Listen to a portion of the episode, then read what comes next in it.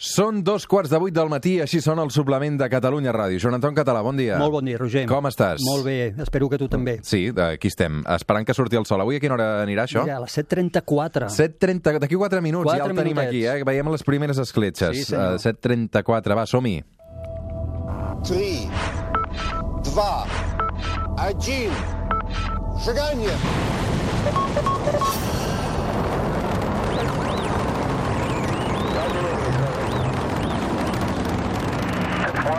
Small step for man, one giant leap D'aquí a 3 minuts sortirà el sol a l'hora que el Joan Anton Català, eh, en aquest espai d'astronomia que hem titulat La Terra és plana, doncs parla de ciència. El Joan Anton Català és un gran descobriment que hem fet aquesta temporada al suplement i les matinades del diumenge sempre ens acompanya.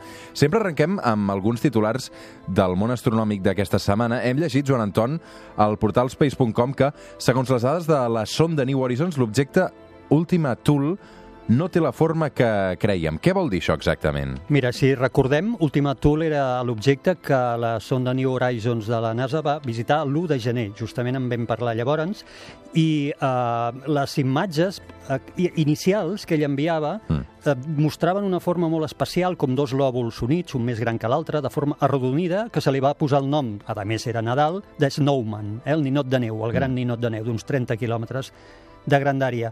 Què passa? Que a poc a poc anem rebent més informació d'aquesta passada que li va fer el New Horizons. Triga molt en arribar la informació perquè el- la New Horizons va haver de passar pel darrere del Sol, vist des de la nostra perspectiva, i això el va fer que s'hagi passat una setmana sense poder enviar dades que tenia emmagatzemades, i ara que comencen a baixar veiem que no està el ninot de neu, sinó que són dos lòbuls eh, com aplanats. És dir, jo li diria al ninot de neu eh, esclafat per un tractor, per entendre'ns, eh? com un ninot de neu bom, que li hagi passat alguna cosa per sobre. Això és, això és molt important perquè si ja era difícil d'entendre com s'havia format aquests dos lòbuls arrodonits, si encara estan aplanats encara és més difícil d'explicar com s'ha format. Per tant, nous interrogants que s'obren en aquí. Per tu aquesta és la notícia de la setmana, eh, d'alguna Sí, manera. sí, sí, és molt interessant perquè això donarà a parlar molt i els investigadors hauran de treballar força amb això. Amb el Joan Anton Català sempre viatgem als llocs més interessants de l'univers. Avui, Joan Anton, cap on anem? Mira, anem en un lloc on... a veure si Joc ho de sabem, pistes això, avui, eh? Sí, exacte. Ui. On no hi ha superfície, Ah hi ha tempestes gegantines que duren centenars d'anys, hi ha aurores un i moment, llamps... un moment, a poc a poc. Sí, això és com la mort de mare. Hi ha- Busquem hi ha un planeta on no hi ha No hi ha superfície. superfície. Hi ha tempestes gegantines Mm. que duren centenars d'anys, Mm. on a més hi ha aurores i llamps. Mm. Tempestes gegantines que duren centenars d'anys. El Congrés dels Diputats... Mm, bueno, mira, ara ve la pista, ara ve Ah. la pista. I, I tenim una nau amb una tripulació diminuta. La Moncloa. Avui viatgem amb el Joan Anton Català cap a Júpiter. Now that she's back in the atmosphere with drops of Jupiter in her head.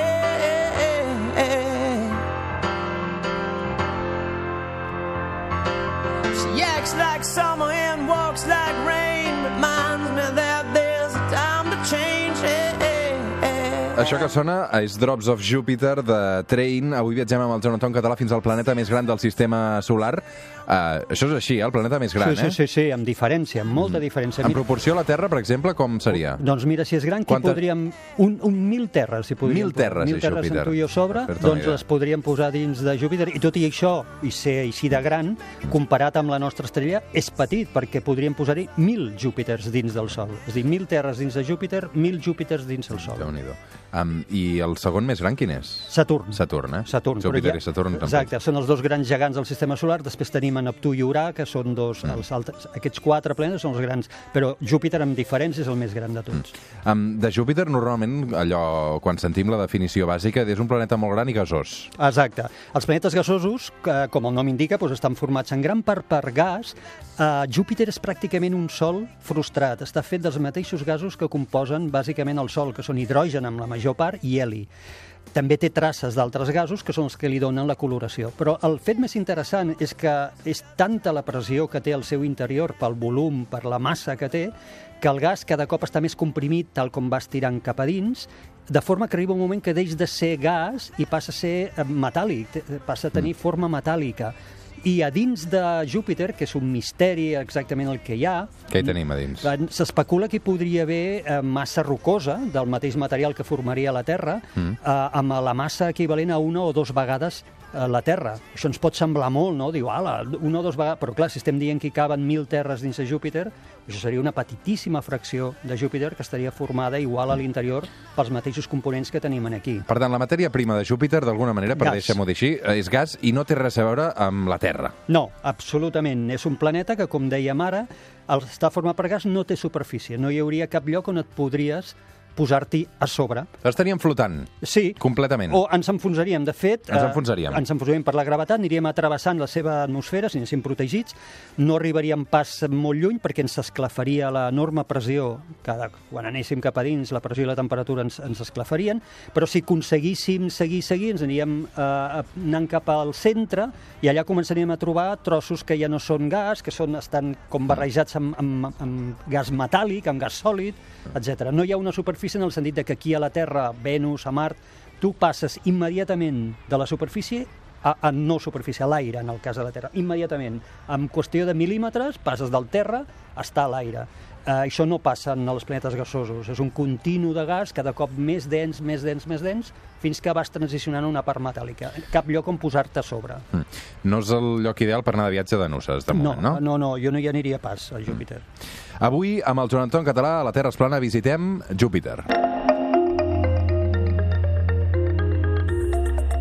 Per tant, conceptes que ens queden clar. És un planeta immens, gegant, mil terres com a mínim, és un planeta amb gas, és un planeta que no té superfície i també sabem normalment que és vermellós, no? Exacte, té Vermellós colors... tipus Mart o... No, no tant, no tant, però té colors tipus ocre, algun vermellós, ataronjats, grocs. Això és molt fàcilment visible en qualsevol telescopi, de fet, i evidentment amb els telescopis més grans i les sondes que hem enviat perfectíssimament, i això és degut que eh, hi ha traces, hi ha altres elements que donen aquesta coloració a l'atmosfera, a les capes altes de l'atmosfera de, eh, de Júpiter, com per exemple amoníac. Eh? L'amoníac, sofre, en estat gasós també, en petites quantitats, petites quantitats pel que és Júpiter, eh? però considerem això que dèiem, no? que és un planeta gegant i per tant aquestes petites quantitats estem parlant d'immenses si les comparem amb el que podria haver a la Terra. I Mm. aquests gasos són els que li donen les tonalitats aquestes vermelloses, eh, ataronjades, grogues, a les capes altes de l'atmosfera de Júpiter. Mm. I unes bandes, no, també? Exacte, es veuen molt fàcilment en qualsevol telescopi, a les fotografies, per suposat. Eh,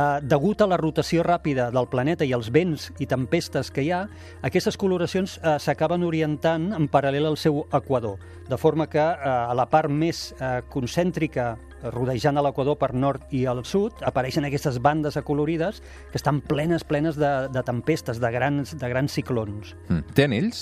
No, sí, perdona, té anells no com els de Saturn, els Perquè Saturn... els anells són els, els de Saturn són els famosos, Clar, no? aquests són els famosos, estan fets de gel d'aigua, els de Saturn, i que brillen molt, i els de Júpiter els vam descobrir molt recentment, igual que Urà i Neptú en tenen, però ja no són els mateixos anells, no estan fets d'aigua, estan fets de roca, de pols de roca, són molt més fins, no són gens espectaculars, però curiosament els quatre planetes rocosos de, en, gasosos del sistema solar tenen, tenen anells. Mm. Taca vermella? N'hi ha una, no? Taca vermella n'hi ha una, és la gran taca vermella.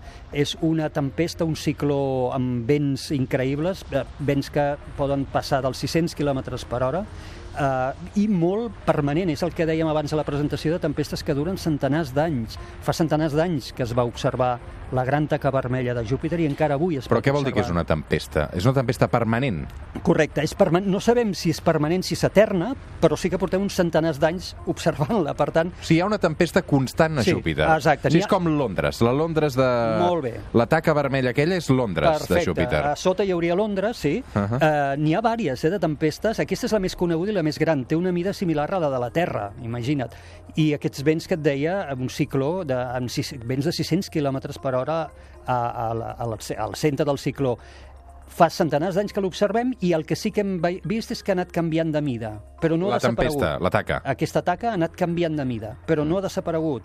Ara sembla que està, des de fa uns anys, en un període de, de fer-se més petita. Tot i això segueix sent immensa i no sabem si desapareixerà. Jo, jo diria que és un lloc ideal per un Tomàs Molina o un Mauri. Seria un lloc ideal, una atmosfera d'aquestes amb fenòmens extrems. Només té aquesta taca, o sigui, la taca ens dona peu a la tempesta, al revés, la tempesta ens dona peu a la taca. Exacte. Però Amb- no només té aquesta, eh? en té d'altres, però aquesta és la més famosa, la més gran, la més visible, la primera que es va observar, la que qualsevol aficionat amb un telescopi petit, modest, pot veure. Uh, però n'hi ha d'altres més petites. La, la taca canvia um, per en funció de com va la tempesta. El planeta al principi ja el tenim prou crescudet, eh? Sí, el planeta va, va deixar de créixer quan es va acabar la seva formació en el sistema solar. Mm. Pensem que un gegant com aquest es va formar de forma tan diferent a la Terra perquè eh, la Terra està molt més propera al Sol i llavors la radiació del jove Sol va escombrar de gas tota aquella zona interior de la nebulosa on es van formar els planetes i per això doncs, Mercuri, Venus, la Terra i Mart van quedar rics amb roca i, i pobres amb gas. En canvi, passat eh, Mart, a la zona ja de Júpiter, de Saturn, d'Urà i de- Neptú, allà el gas era molt abundant i per tant la gravetat el que va fer és concentrar molt de gas i és per això que aquests planetes són rics en gas. I allà va aturar-se el creixement de Júpiter, per això et deia que a vegades diem que és una estrella frustrada. Si hagués tingut molt més material per créixer, igual hagués esdevingut un germà, un bessó del Sol, no ho sabem. Mm. Si haguéssim tingut dos sols al sistema solar. Sí, segurament tampoc no estaríem aquí perquè l'haguéssim tingut massa a prop, els dos massa a prop, com perquè nosaltres poguéssim haver sobreviscut com a planeta entre dos grans eh, I la, estrelles. I la rotació?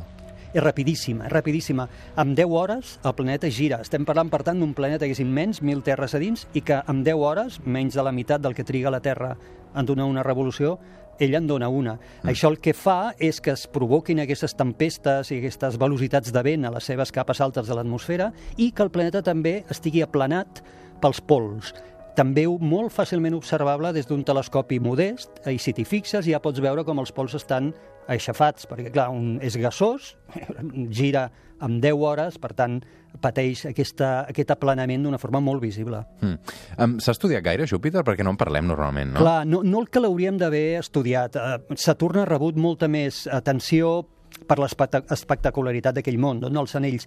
Uh, hi ha hagut sondes que han passat, com les Voyager, que van passar a la dècada dels 70 per Júpiter, i llavors el que va haver una sonda de la NASA que sí que el va estudiar molt a fons, que es deia Galileu, amb honor a Galileu, eh, que eh, va estar anys enviant-nos moltes dades, però aquesta sonda, com totes, tenen una caducitat, va morir, i des de llavors no hem tornat a tenir una sonda fins fa un parell o tres d'anys que ha arribat la Juno, de la NASA, una sonda especialitzada amb l'estudi de Júpiter i tripulada, i aquesta és la qüestió que dèiem al començament d'una tripulació diminuta, tripulada per tres figuretes Lego. És dir, Lego i la NASA hi van posar a dins tres figuretes de Lego, una representant el déu Júpiter, l'altra la deessa Juno, que és la dona de Júpiter, i l'altra el Galileu, eh, en honor a aquest científic del, del segle XVI-XVII que va fer uns descobriments increïbles, entre els quals els quatre satèl·lits més importants de Júpiter. Uh, aquests quatre principals, uh, en principi, són quatre satèl·lits, eh? Sí, en té moltíssims més. Eh? De fet, en, en portem 70, més de 70 eh, satèl·lits descoberts a, a Júpiter, però aquests quatre, que en diem els satèl·lits galileans en honor doncs, a, a Galileu, que es va descobrir, que es diuen Io, Europa, Calisto i Ganímides, Ok. són satèl·lits molt grans, molt grans, molt fàcilment visibles, fins i tot en prismàtics. Jo li dic a la gent moltes vegades, agafeu els prismàtics i mireu a Júpiter perquè els podreu veure com a puntets al costat de Júpiter i podreu veure el ball que fan al seu voltant en qüestió d'hores. Eh, S'amaguen, passen pel darrere, pel davant, els quatre en un cantó, tres a l'altre, és magnífic o, al llarg de les hores i dels dies apuntar on estan. Uh -huh. um, estem investigant gaire Júpiter? Perquè no en parlem gaire, però Clar. a més no sé si ens gastem diners a veure com, com és. Que per això ara hi tenim la Juno. La Juno sí que està fent investigacions importants. Una de les coses que ens interessa conèixer de Júpiter i que estem investigant és com funciona el seu enorme eh, camp magnètic.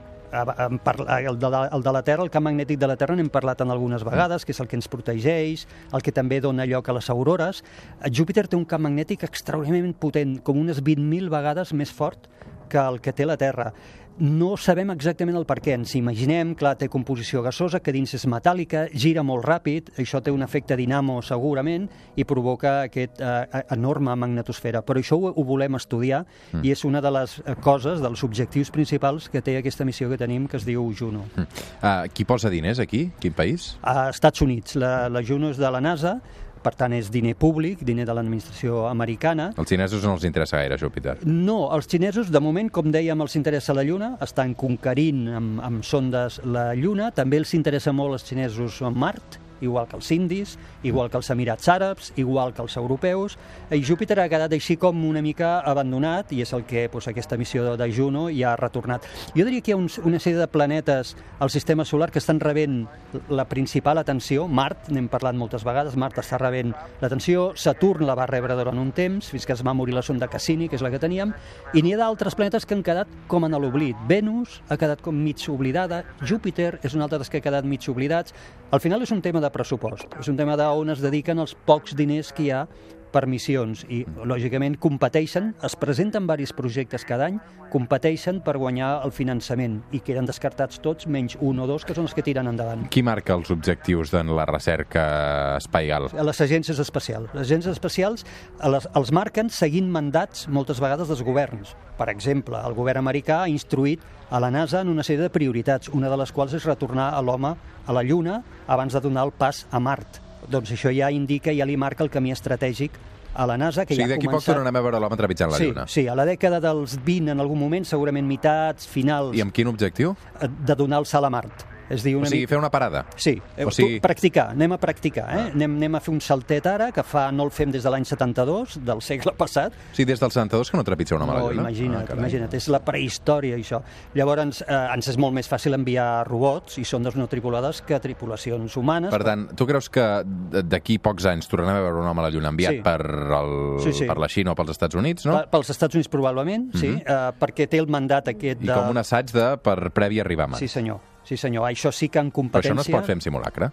Eh, eh, sí, però no és el mateix. És dir, Però la sensació de trepitjar a Mart deu ser molt diferent de trepitjar la Lluna, no? molt diferent, però tot el que significa la tecnologia, el com mantenir les tripulacions eh, sanes i estalvis Mm. en un viatge a, a l'espai, això ho hem de practicar, no ho hem practicat des de l'any 72. Màxim que hem anat és a l'Estació Internacional Espacial, que està a 400 quilòmetres d'alçada de la Terra, ja és espai, però està aquí mateix. La Lluna ja està quasi a 400.000 quilòmetres, és un petit salt per fer després el gran salt cap a Mart. De, quan, de quantes uh, persones uh, formen aquestes tripulacions? No sabem quantes en formaran. El, les missions famoses Apollo eren tres persones.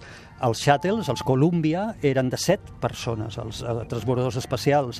Les tripulacions que ara enviem a l'Estació Internacional Espacial to, és de tots, tres. tots surten de la nau quan arriben a lloc? Uh, Sí. No, no, per exemple, Ah. a l'Apolo en quedava un en òrbita i en baixaven dos. El que es quedava en òrbita al voltant de la Lluna s'assegurava de, que els de que els capturava quan tornaven a pujar. No sé com es dissenyaran les missions a Mart, serà interessant veure-ho, perquè Mart, ja n'hem parlat alguna vegada, té una problemàtica que és que cada dos anys i dos mesos es col·loca en situació bona per anar-hi, però un cop estem en allà, un cop hi hagi la tripulació en allà, aquesta configuració òptima haurà desaparegut i a lo millor haurem de fer que les tripulacions quedin allà durant dos anys, fins en òrbita, a lo millor fins que el viatge de retorn sigui possible. O sigui, quatre anys de viatge com a mínim, no? Eh, Ho hem d'acabar de veure, a veure com, com dissenyen la, les missions. Però tot això ve per, per l'exploració que aquesta que estem fent al nostre voltant i estem dient, bueno, Mart rep la nostra atenció, la Lluna, que semblava que ja no la rebia, almenys per part de la NASA, ara la torna a rebre, i afortunadament Júpiter l'ha tornat a rebre en aquests anys amb la missió aquesta Juno, que per cert va tenir problemes d'entrada, va ser una missió que ja va presentar problemes i ha quedat en òrbita al voltant del planeta, amb una òrbita no ideal, no és la òrbita que haguessin desitjat els científics, però és una òrbita que està almenys permetent que tiri endavant aquesta investigació del planeta més gran i segurament dels més desconeguts que hi ha en el sistema solar. Um, a ull nu es pot veure Júpiter? Perfectíssimament. Uh, és el... Ja ens coneixem. Sí, no, no, no, però és que ja t'he dit que un dia has de sortir amb mi, però no ho vols fer mai. Mm. Llavors, dintre, en el nostre cel hi ha objectes eh, que són especialment brillants. Venus és l'objecte més brillant en el nostre cel, òbviament després del Sol i de la Lluna, i després ve Júpiter. Júpiter no té cap dificultat i aquestes matinades el podem veure a l'alba abans de la sortida de Sol sobre l'horitzó est, brillant moltíssim. És molt fàcil veure-ho a ull nu i amb uns prismàtics, com deia, ja es poden divisar els quatre principals satèl·lits.